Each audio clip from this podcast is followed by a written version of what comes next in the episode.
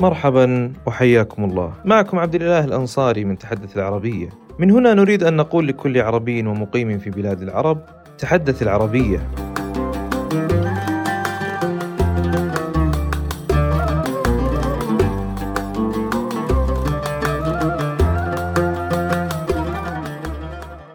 عزيزي المستمع تعال نسمعك لحنا تعرفه جيدا.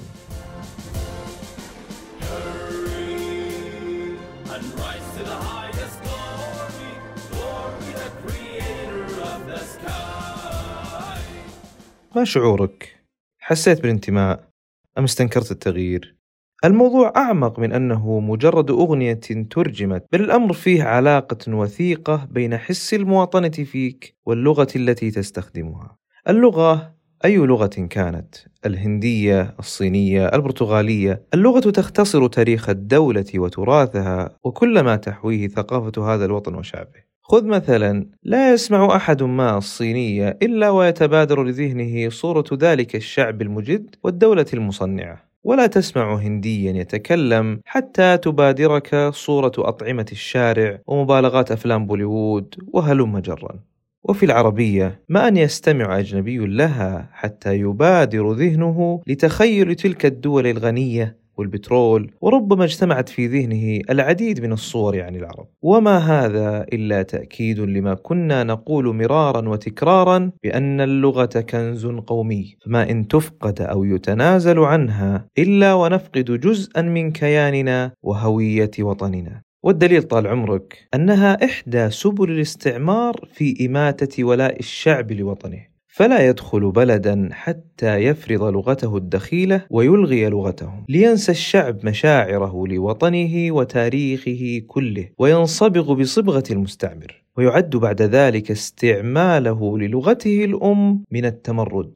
يقال إنه غالبا ما يعبر عن هوية الجماعة والشعب بالالتزام بلغة ما. في عام 1932 وبعد أن وحد الملك عبد العزيز آل سعود طيب الله ثراه البلاد أسماها وقتئذ مملكة الحجاز ونجد وملحقاتها. وفي يوم ما وصلت لموحد البلاد برقية من بعض أعضاء مجلس الشورى ومواطنين في الطائف. فيها رأي يشير بضرورة جعل اسم المملكة المملكة العربية السعودية. ولفطنة الملك عبد العزيز أقر هذا فورا فعرفت بأنها عربية لتكون سعودية وصارت بعد ذلك أول دولة تذكر العربية في اسمها. وأقر في المادة الأولى بنظام الحكم نص يقول المملكة العربية السعودية دولة عربية إسلامية ذات سيادة تامة دينها الإسلام ولغتها هي اللغة العربية.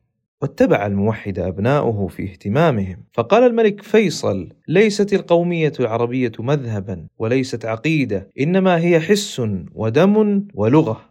وأصدر أمرا بإنشاء معهد للغة العربية في ذلك الوقت. ثم تطورت الجهود فظهرت وقامت المراكز والمبادرات كمركز الملك عبد الله الدولي لخدمة اللغة العربية ومبادرة الملك عبد الله للمحتوى العربي التي جمعت أكبر قدر من المؤلفات العربية على طول التاريخ. وفي مختلف الموضوعات حتى يصل قدرها إلى بلايين الكلمات وتغطي العصور من الجاهلية إلى عصرنا هذا. وكما اعتمد على العربية تاريخها مستقبلها مبني عليها. ففي أولى صفحات وثيقة رؤية 2030 السعودية العمق العربي والإسلامي. وأقرت الرؤية بأهمية بناء مجتمع حيوي أفراده معتزون بهويتهم الوطنية وفخورون بإرثهم الثقافي العريق.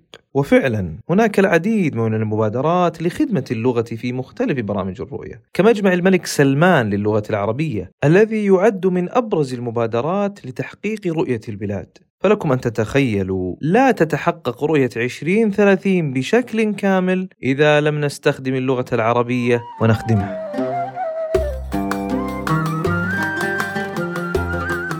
يطول الحديث عن رعاية المملكة العربية السعودية للغة. بس قضيتنا هنا أنه من أجمل مظاهر امتنانك لهذا الوطن أن تعتز بلغته وتستخدمها وتجاهر بذلك مثلما ترفع العلم والشعارات تعبيرا عن امتنانك لهذا الوطن. ولأن هذا غير كاف كما كنا نعلم ونعلم في المدارس اعترف بوطنيتك ثم أثبت ذلك بفعلك. فأنت تقدر على خدمة لغتك ووطنك في أماكن مختلفة. فمثلا باحترامك والتزامك بقوانين الدولة عامة واحترامك القوانين الخاصة باللغة. وقد ذكرناها في حلقة تحدث باسم القانون. إذا كنت تعمل في الصحة فمع احترامنا لسنين دراستك الطويلة باللغة الإنجليزية أتقن عملك واستخدم لغة وطنك في خدمة مواطنيه. وتواصل مع المريض ووضح له علته بالعربية ليفهم قبل أن يتعالج.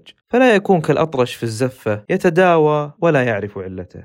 وإن كنت معلما أو مربيا فأنشئ جيلا معتزا بوطنه وكل ما تحويه هويته. غير مختلط الهويات والثقافات وعلمه بأن اعتزازه بوطن لغته جزء لا يتجزأ منه. إن كل كلمة يتعلمها الطفل وكل أسلوب يتقنه يساعد في اتساع أفقه.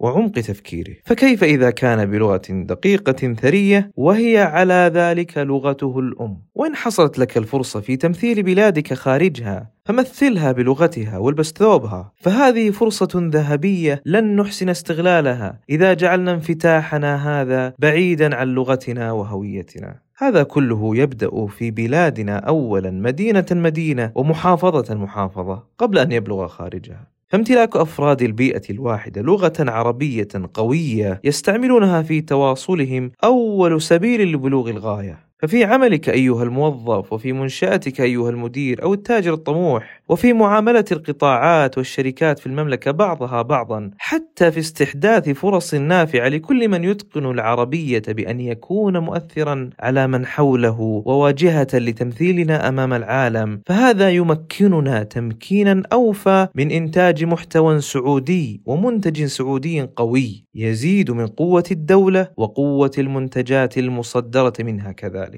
وإن كان هذا كان اعتزازنا بلغة وطننا ثم دعمنا لها يزيد الوطن رفعة قولا وفعلا. لذلك تحدث العربية أنت سعودي. في أمان الله.